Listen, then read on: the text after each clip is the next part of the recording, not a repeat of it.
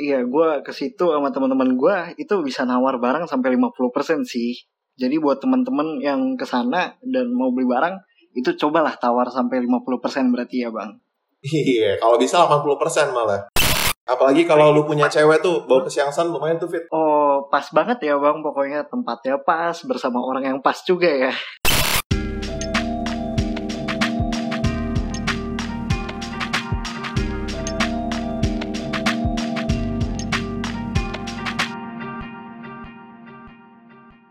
Halo Sobat Baper Beijing, selamat datang di episode ke-12 podcast kali ini. Gue David bakal nemenin kalian sebagai host untuk ngobrolin hal-hal yang tentunya seru dan informatif nih. Pada kesempatan kali ini, gue mau ngomongin tentang traveling di Beijing. Karena kalau seputar kuliah, apalagi merantau, kita nggak akan pernah lepas sama yang namanya jalan-jalan atau traveling kan. Nah, kebetulan banget nih narsum kita kali ini itu udah pengalaman banget soal traveling di Beijing. Berhubung dia juga pernah menjadi tour guide saat menjadi mahasiswa di Beijing. Sebelum masuk ke topiknya, coba kenalan dulu kali Bang sama teman-teman semua di sini. Halo Bang Jody, apa kabar nih? Oke, halo Sobat Baper Beijing, kenalin. Nama gue Jody. Uh, sekolah gue di Peihang University, jurusan Mechanical Engineering, sekarang sudah tahun terakhir. Oh, kalau lagi online begini semester terakhir kesibukannya apa aja nih bang? Kesibukannya ya ngerjain skripsi sih, Fit. Kan udah gak ada kelas lagi. Oh, kalau intern mungkin ada bang? Uh, sekarang lagi intern di Tansen. Sudah mau Nah. masuk 6 bulan. Oh, berarti lo itu di Beijing eh, kuliah offline-nya dua setengah tahun kan ya bang? Iya, dua, dua setengah tahun. Oh, boleh coba diceritain dulu kali bang pertama-tama waktu menjadi tour guide itu gimana ceritanya sih? Uh, jadi waktu itu ada kakak kelas kita di Pehang, sebut saja dia Mr. Black ya. Uh, dia dulu juga udah pernah jadi tour guide sebelumnya. Mhm. Nah kebetulan pada hari itu dia nggak bisa bawa tour, jadi dia Oh. cari adik kelas yang kira-kira suka traveling juga dan tahu banyak tempat. Nah sejak saat itu dia coba percayain ke gue, terus itu gue coba bawa satu hari itu Pet. Oh, itu pas kapan tuh bang? itu pas 2018 uh, semester ketiga. Jadi at that time Mandarin gue masih kurang bagus juga, Pit. Jadi pengalaman yang cukup berkesan juga. Oh gila, keren banget. Terus lo mengakalinya gimana tuh bang? Apakah gak apa-apa dengan kemampuan Mandarin yang terbatas menjadi tour guide waktu itu bang? Membawa tamu-tamu dengan selamat bang? Yang paling sulit itu pas itunya sih, uh, pas pertama tawannya. Which means kita jemput dia di bandara dulu. Itu yang paling berat sih. Karena at that time Mandarin gue masih average banget, masih belum terlalu bagus. Jadi untuk uh, komunikasi sama supirnya agak susah at that time. Tapi syukurnya ya, bisa ketemu kayak 10 menit sebelum tamunya datang, gue udah cari supirnya dulu. Jadi gue udah temuin supirnya dulu. Jadi waktu nanti mereka sampai, gue tinggal temuin supirnya ke tamu yang baru datang itu, Pit.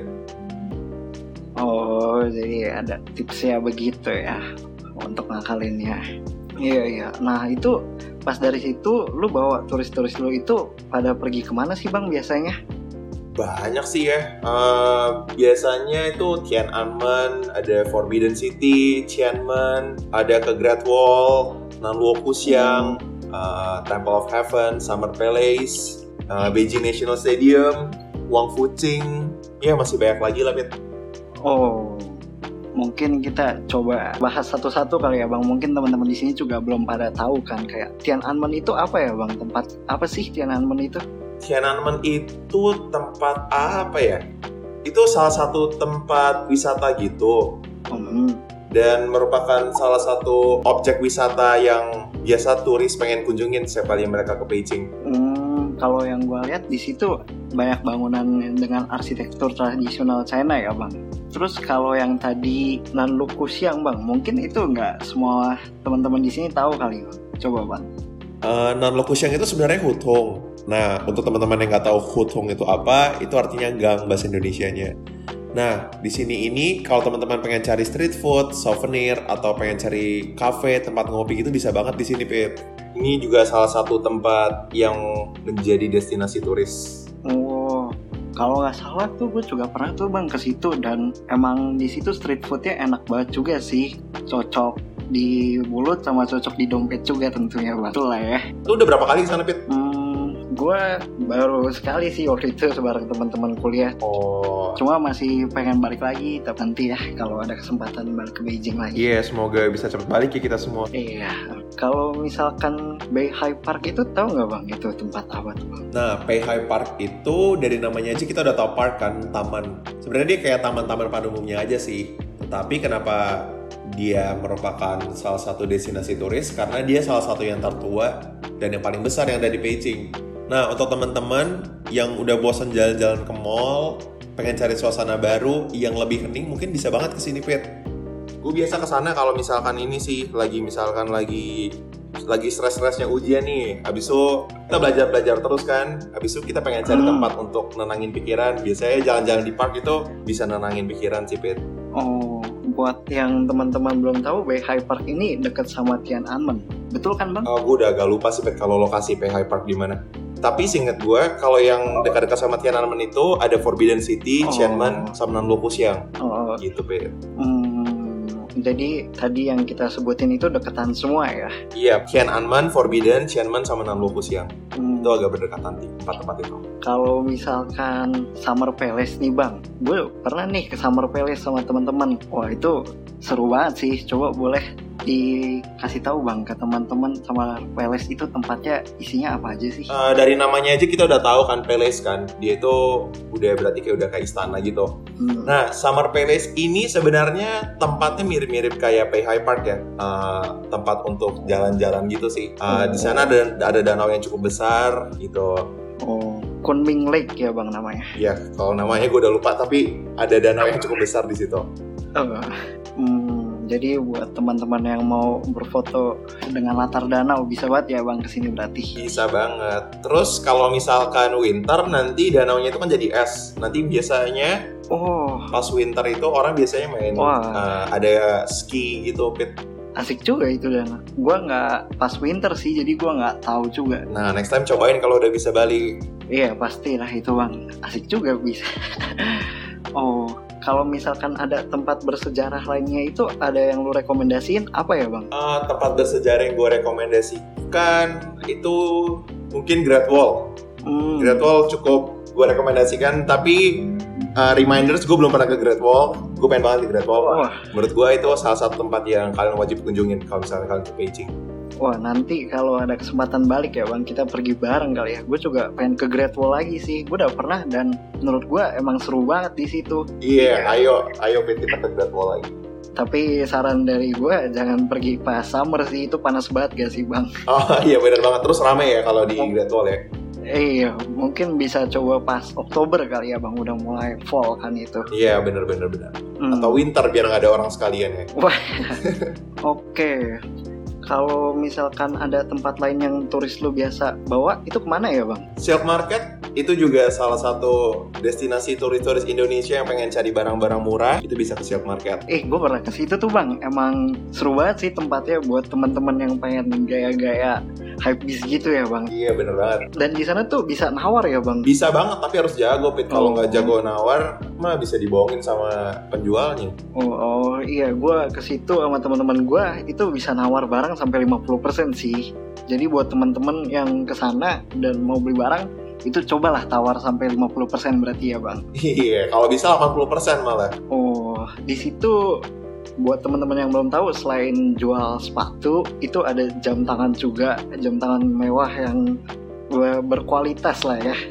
Itu gue juga sempat lihat tuh bang. Wah, cuma gue nggak beli lah tentunya.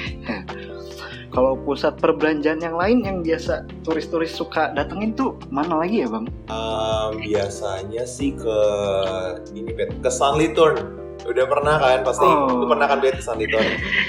Ya itu mah kayaknya eh, malu dah bang seringnya juga kan ke Sanlitun. Enggak, gue jarang ke Sanlitun, we. Alah, mungkin dijelaskan dulu ke teman-teman bang Sanlitun tuh tempat kayak apa sih? Sanlitun itu tempat nongkrong anak muda-mudi di Beijing biasanya, Pit. Hmm, jadi mahasiswa-mahasiswi gitu ya? Iya, di sana ada jual ada jual pakaian. Terus kalau misalnya Hmm. pengen makan di sana juga ada tempat makan, ada library. Oh. Terus kalau untuk jalan-jalan malam-malam juga enak banget di sana. Oh, mungkin informasi yang teman-teman juga perlu tahu itu uh, range harga untuk makan dan berbelanja di sana itu cukup relatif mahal ya bang. Iya bener banget, bener banget, bener banget. Untuk makan, seinget gue tuh bisa 200 ribuan gak sih seorang bang? Ya itu kalau kalau yang mau makan mahal bisa segitu. Tapi kalau mau yang murah ya makan McD aja pit. Oh iya betul juga kita ada McD ya di situ bang. Iya benar. hmm, kalau Wang Fucing bang, gue juga rekomen nih buat teman-teman pergi ke Wang Fucing. Coba boleh bang, Wang Fucing tuh tempat kayak apa sih? Wang Fucing itu sebenarnya juga bisa dibilang tempat belanja ya. Nah, kalau mau cari kayak pakaian atau makanan itu juga bisa di sana. Ada di sana di Wang Fucing ada toko Apple yang lumayan besar. Hmm. Lumayan kayak landmarknya gitu kayaknya kayak siap orang yang Wang Fucing tahu deh. oh iya iya, gue juga pernah masuk tuh. Terus di sana ya, juga ada street food kayak Nan Lokus yang tadi gue bilang. Tapi sayangnya sekarang lagi tutup oh. kayaknya. Ya.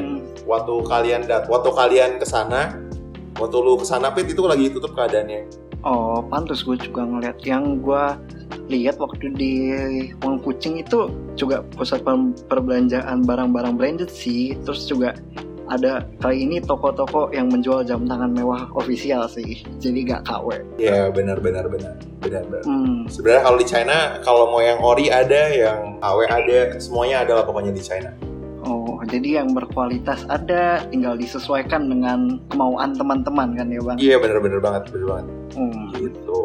Kalau misalkan tempat seni gitu lo ada rekomendasi nggak nih bang buat teman-teman? Tempat iya berseni gitu. Tempat berseni uh, gue cuma tahu satu tempat sih uh, namanya Seven Nine Eight.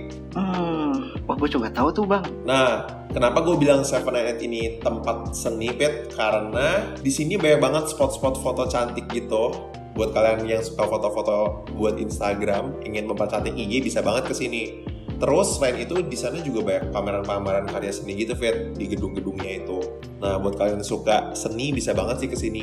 Oh, iya gue sempet searching juga tuh bang sebelum gue ke China itu katanya gedung bekas pabrik militer sih. Tapi sekarang jadi markasnya seniman Tiongkok. Gue coba Google-Google gambar gitu Wah menurut gue bagus sih. Nanti kalau ada kesempatan kali ya, gue juga pribadi pengen sih ke tempat ini. Oh lo belum belum pernah bet? Belum, tapi pengen bang. Sibuk kuliah waktu itu. Misalkan udah bisa balik ke Beijing, pergunakan waktu sebaik mungkin ya untuk traveling di Beijing karena waktunya sayang banget. Kita nggak tahu bakal ada kejadian kayak gini kan. Ya nggak? Hmm, iya betul banget. Jadi kalau sekalinya ada kesempatan langsung dipergunakan ya bang? Iya gunakan sebaik mungkin gitu sih. Kalau lu pribadi nih suka ke tempat yang kayak mana ya bang? Nah dari tadi kan gue baru sebutin uh, Sanditun sama tempat-tempat kayak street food gitu kan hmm. seperti Nang Kusyang dan street uh, street food di Wang Fucing. Nah kalau untuk yeah. tempat favorit gue itu ada di Liang Macau. Gitu. Liang Macau, wah gue gak pernah dengar tuh bang di mana tuh? Nah ada mall namanya Solana Nah itu salah satu tempat favorit gue juga itu. Oh, pusat perbelanjaan juga bang? Ya kayak mall, kayak mall lah. Tapi uh, harga-harganya tidak semahal di Sanditun ya. Brand-brand kayak Zara, H&M gitu masih ada di sana. Jadi kita masih bisa afford lah. Oh, berarti masih ramah kantong lah ya bang. Kalau misalkan tempat lain bang, yang lu juga suka nih? Tempat lain, Tayunchun. Wah, home sweet home ya bang. Hmm, jadi buat teman-teman yang belum tahu, Dayuncheon itu asrama tempat Ko Jody ini tinggal selama kuliah. Betul kan, Bang? Tempat kita berdua tinggal dong, Pit. Masa gue doang? Eits, iya, bersama teman-teman yang lain. Iya. yeah. Oh, kalau gue sendiri nih, gue pengen ngerekomendasiin teman-teman buat ke Beijing National Aquatics. Oh, iya gak sih, Bang? Beijing National Aquatics, uh, maksud lu Bird Nest with uh, Water Cube ya? Iya, yang tempat buat berenangnya itu bang. Oh, lu, lu kenapa suka Bin? Kenapa lu rekomendasiin? Oh, wah, gue kalau ngeliat itu pas malam ya bang, gue ngeliat bagus banget sih buat foto. Mungkin teman-teman yang butuh foto di Instagram bisa ke sini sih bang, menurut gue. Iya iya iya. Uh, terus gue pengen kasih informasi lagi untuk di Beijing National Stadium itu hmm. kalau kalian mau foto di depan gedungnya itu itu gratis jadi kalian nggak perlu bayar tapi kalau untuk oh. masuk lihat-lihat dalamnya nah itu ada tiket sendiri lagi itu kalian perlu bayar tuh hmm, bayar berapa tuh bang kira-kira buat masuk ke Beijing National Stadium? Eh, tiap tiap venue beda-beda sih. Hmm. Eh, seingat gue ya kemarin gue pernah bawa tour masuk ke Bird Nest. Itu kayak tarifnya dikenakan 100 koi per orang. oh, Tuh. Tapi dalamnya bagus sih, cukup bagus. Hmm. Iya, gue juga pernah ke Birdnest tuh bang main futsal. Jadi buat teman-teman yang mau olahraga futsal gitu bisa main ke Birdnest sih. Keren banget mainnya di Bird Nest. Oh, kalau nggak salah juga ada lu sih bang. Eh, ada gue ya? lupa gitu ya lu. Gue ada gua bang. Kita waktu itu rame-rame pas pertama kita gua datang. Iya. Oh sama ini, gue pengen juga ngerekomendasiin teman-teman ke Taman Xiangshan. Betul gak tuh bang gue ejangnya? Siangsan kali ya. Oh iya maaf maaf gue kurang bisa Mandarin. Xiangshan ya. Oh jadi Taman Xiangshan itu tempat kayak apa sih bang? Siangsan itu kan kita eh, sesuai namanya aja San ya udah gunung ya. Itu gunung fit. Biasanya orang suka ke sana pada musim eh, autumn karena nanti daunnya jadi merah kuning gitu fit. Oh, oh berguguran gitu ya bang? Kayak di film-film berarti ya? Bener kayak film-film Korea tuh fit. Wah, Bagus banget. Apalagi kalau lu punya cewek tuh bawa ke Siangsan lumayan tuh fit. oh pas banget ya bang. Pokoknya tempatnya pas bersama orang yang pas juga ya. Bener banget. Oh, Tapi untuk di Siangsan itu ya karena sekali lagi itu gunung, jadi kalian harus jalan cukup jauh di sana. Agak melelahkan. Jadi sebelum ke Siangsan, tidur yang cukup, istirahat yang cukup, bawa perlengkapan yang cukup, makanan, minuman. Karena lumayan jauh jalannya kan di Siangsan. dan isi tenaga yang cukup lah ya bang pasti ya. Iya bener-bener banget. mungkin teman-teman bisa catat nih Taman Siangsan untuk tempat ngedate ya ya bang berarti oh sama ini bang yang baru nih buka di Beijing Universal Studio Beijing. Kira di Beijing punya Universal Studio ya bang? Iya keren banget ya Bete. wah gue eh, sayang banget tuh. Nanti semoga lu bisa balik juga sih kita jadi pergi bareng ya bang. Iya ayo kita pergi bareng. Eh, by the way, udah buka belum ya sekarang ya? terakhir gue cek sih itu buka Mei 2021 sih abang. Harusnya udah cuma gue gak ngik iya. Ini menarik banget nih gue bakal mau pergi ke sini sih bang. Jujur aja kalau gue udah balik ke Beijing iya Fit, gue mau nanya dong Fit. Mhm. Tadi kan kan tadi kan kita ngebahas tempat favorit yang gue sering kunjungi di Beijing. Mhm. Kalau untuk lu sendiri, tempat favorit lu apa Fit? Hmm, tempat favorit gue ya, gue pribadi sih belum pergi ke banyak tempat ya, tapi gue tuh waktu itu sempat mampir ke Great Wall. Wah di Great Wall itu gue dateng pas bulan 12 de- atau Desember, itu jadi nggak terlalu panas sih bang, juga enak. Terus buat jalan juga emang seru banget sih, buat foto-foto gitu, tambah pengalaman aja sih bang kayak. Oh akhirnya gue pernah ke Great Wall nih, dan buat teman-teman yang eh, penasaran ke Great Wall itu gak mahal sih kan bang tidak memakan budget yang banyak kan Bener. Hmm, Terus waktu lu ke Great Wall itu eh, berarti winter ya? Ada salju nggak waktu pergi ke sana? oh ini juga nih bang gue denger-denger dari kalian kakak-kakak tingkat gue itu gak pernah ya di Beijing itu turun salju. Tapi pas kemarin gue semester 1 ke Beijing itu turun salju sih bang. Jadi gue gue juga jujur aja ya pertama kali ngeliat salju itu kayak gue cukup senang sih.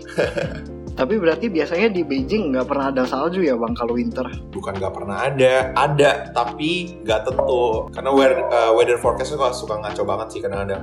Hmm, buat temen-temen yang belum tahu mungkin di Beijing itu kalau winter itu kisaran 0 sampai minus 5 nggak sih bang sehari-harinya Iya iya sekitar segitu. Hmm, jadi disarankan untuk membawa jaket winter tuh dari Indonesia aja kan ya bang Eh, nggak harus dari Indonesia sih. Kan kita masuk Oh. ke sana. Kan kita masuk kuliah September biasanya nggak sih? Mhm. Beli di sana aja. Kalau kita beli di sana, kan pakaian yang mereka buat harusnya cocok dengan cuaca di sana nggak sih? Daripada kita beli di Indonesia, takutnya nggak kepake nanti di sana kita Oh. masih kedinginan ya nggak? Iya betul juga Heeh.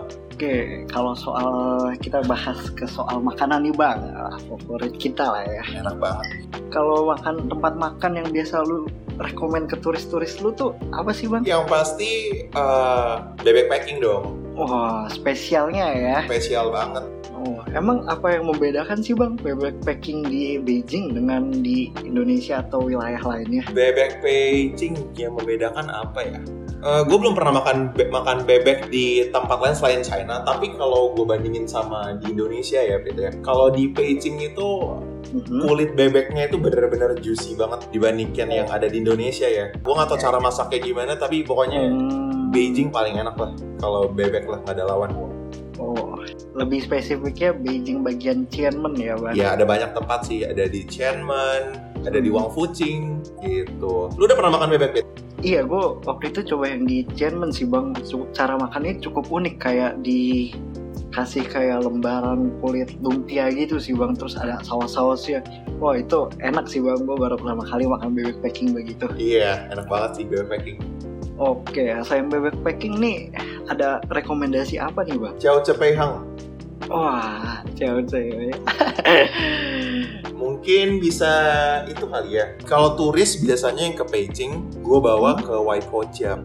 Hmm, oh kalau di Waipocha ini ada makanan apa sih bang spesialnya? Aduh, kalau nama menunya gue udah lupa. Tapi dia ada udang campur bihun itu yang cukup enak. Terus dia ada, mohon maaf untuk yang muslim sebelumnya, dia ada jual pork belly hmm. juga. Terus iya. ada ayam obat, itu lumayan enak. Oh berarti ada menu yang halal dan non halal ya berarti bang? Iya benar benar banget benar banget benar banget. Oh jadi teman-teman yang muslim juga bisa makan dengan nikmat kan ya udang dan bihun itu ya yang lu rekomend tadi bang. Iya sama ada satu lagi cakwe dikasih mayones gitu itu lumayan enak juga sih. Hmm. Uh -uh.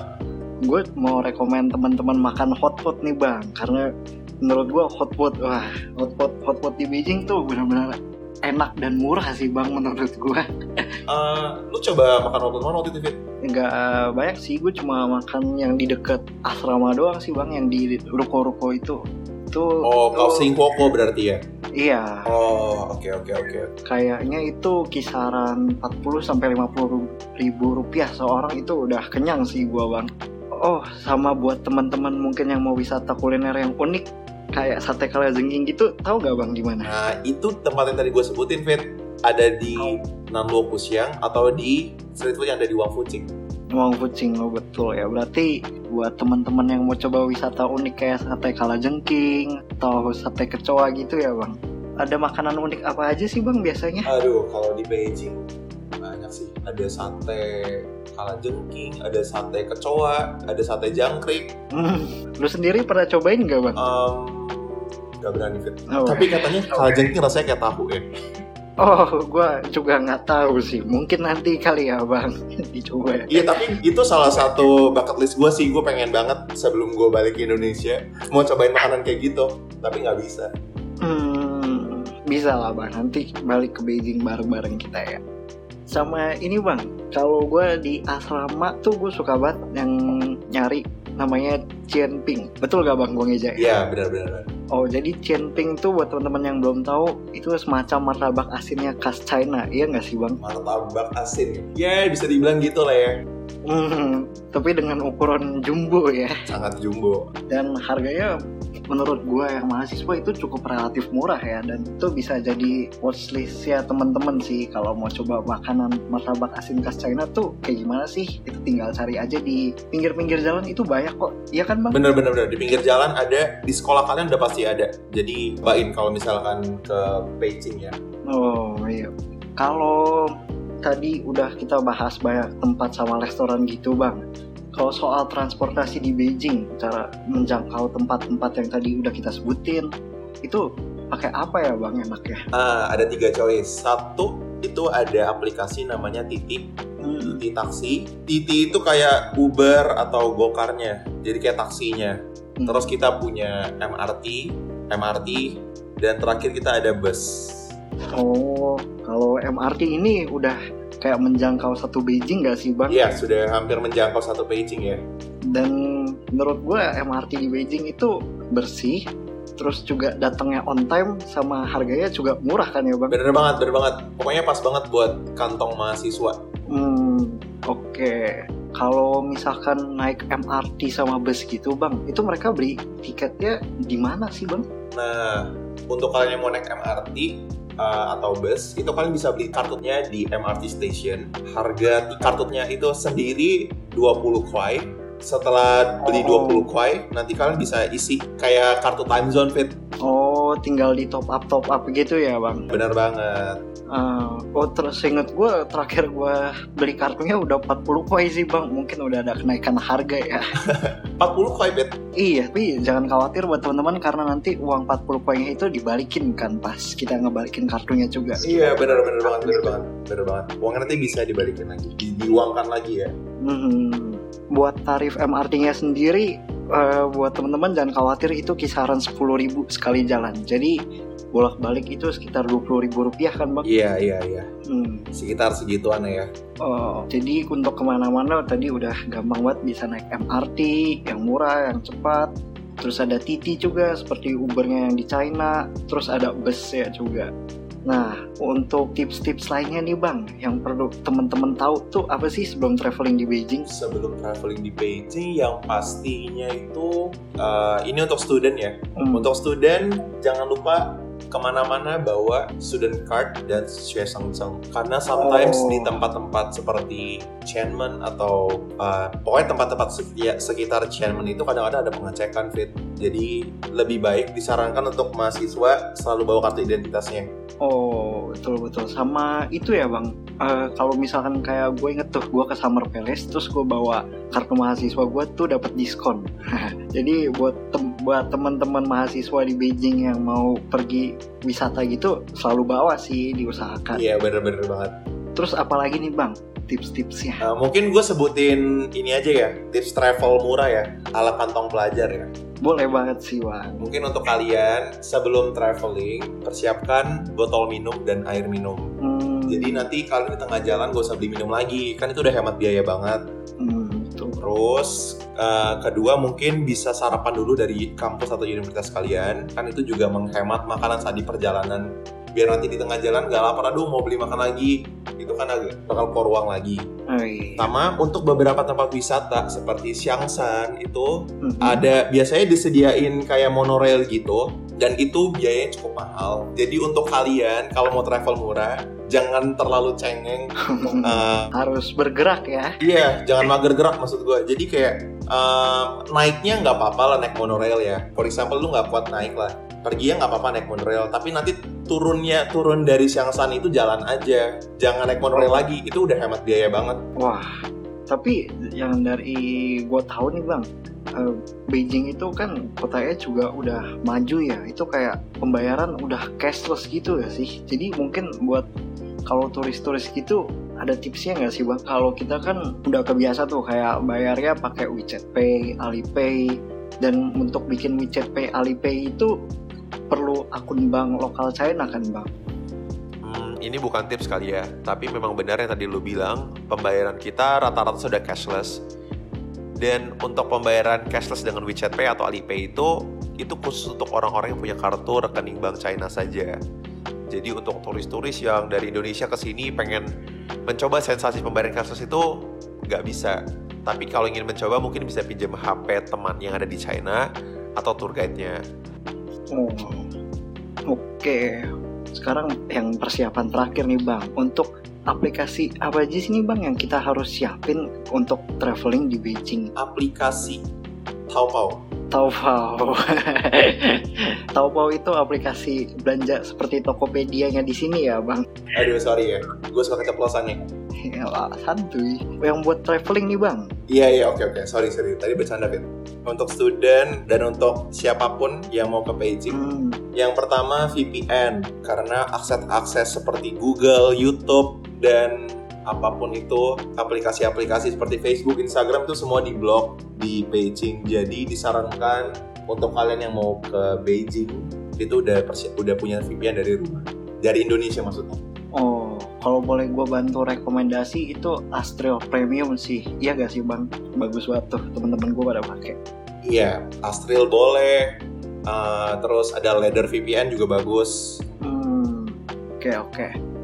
Oh, gue juga mau nambahin buat aplikasinya itu ada Metroman. Jadi buat teman-teman yang mau pergi dari stasiun mana ke stasiun mana, itu tinggal masukin aja. Nanti udah muncul range harga sama range waktu sama cara pindah-pindah stasiunnya itu ke mana aja, lining berapa, klien berapa itu komplit banget di aplikasi Metroman. Yoi nggak bang? Yoi bener banget deh. Hmm, Google Maps kita lah ya. betul betul. Kalau untuk aplikasi lainnya bang, mungkin untuk translate karena Google kan nggak bisa dipakai nih. Nah, ini ada satu aplikasi juga namanya Paitu Translate. Itu translate juga seperti Google Translate, Oh. tapi untuk translate dari Chinese ke Inggrisnya mungkin lebih akurat pakai Paitu ya daripada pakai Google Translate. Oh sama teman-teman bisa mempersiapkan aplikasi Pleco nih. Soalnya Pleco tuh macam kayak translate English ke China dan itu nggak perlu internet sih. Jadi kalau teman-teman misalkan kesasar dan gak ada VPN itu bisa pakai Pleco buat translate ya. Iya, tapi Pleco kan offline dictionary ya, Mhm. per kata-kata gitu sih artinya. Mungkin kalau misalkan teman-teman pengen baca kayak kayak nama jalan, nama jalan bisa coba pakai Pleco. Oh. Oke, mungkin ada kata-kata terakhir atau pesan terakhir buat teman-teman di sini yang mau traveling ke Beijing, Bang? Eh, pesan terakhir buat teman-teman, misalkan teman-teman eh, punya rencana untuk kuliah di Beijing, gunakan waktu sebaik-baik mungkin untuk traveling, untuk eksplor tempat-tempat yang ada di sana, karena kita nggak tahu kapan kejadian seperti ini bakal menimpa kita. Aku, aku sendiri pun sedih ya, Hmm. karena masih banyak tempat-tempat yang aku pengen kunjungin selama aku di Beijing.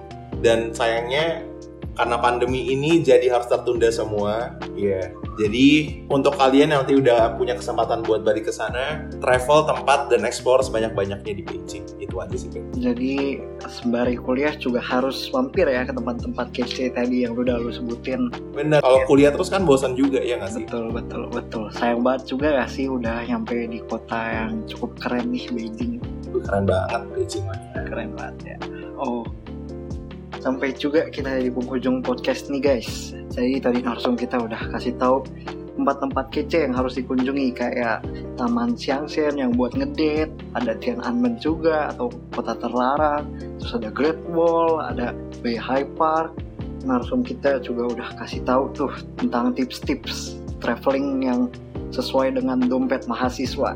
Kayak kita udah makan dari asrama kita, terus kita bawa minum sendiri, terus juga tadi kita udah bahas kan tentang aplikasi-aplikasi penting yang perlu teman-teman siapin kayak VPN, terus kayak Pleco, dan aplikasi translate lainnya. Nah, terima kasih sudah mendengarkan podcast Baper Beijing atau bincang-bincang ala permit Beijing episode kali ini. Semoga podcast ini bisa menghibur dan memberikan insight agar kalian bisa melakukan traveling dengan seru di Beijing. Dan jangan lupa untuk follow Instagram Permit Beijing at Permit Beijing untuk informasi selanjutnya ya. Sampai jumpa di podcast Baper Beijing selanjutnya. Gue David dan narsum gue Dionysius Judi. Undur diri dulu ya. Dadah. Dadah.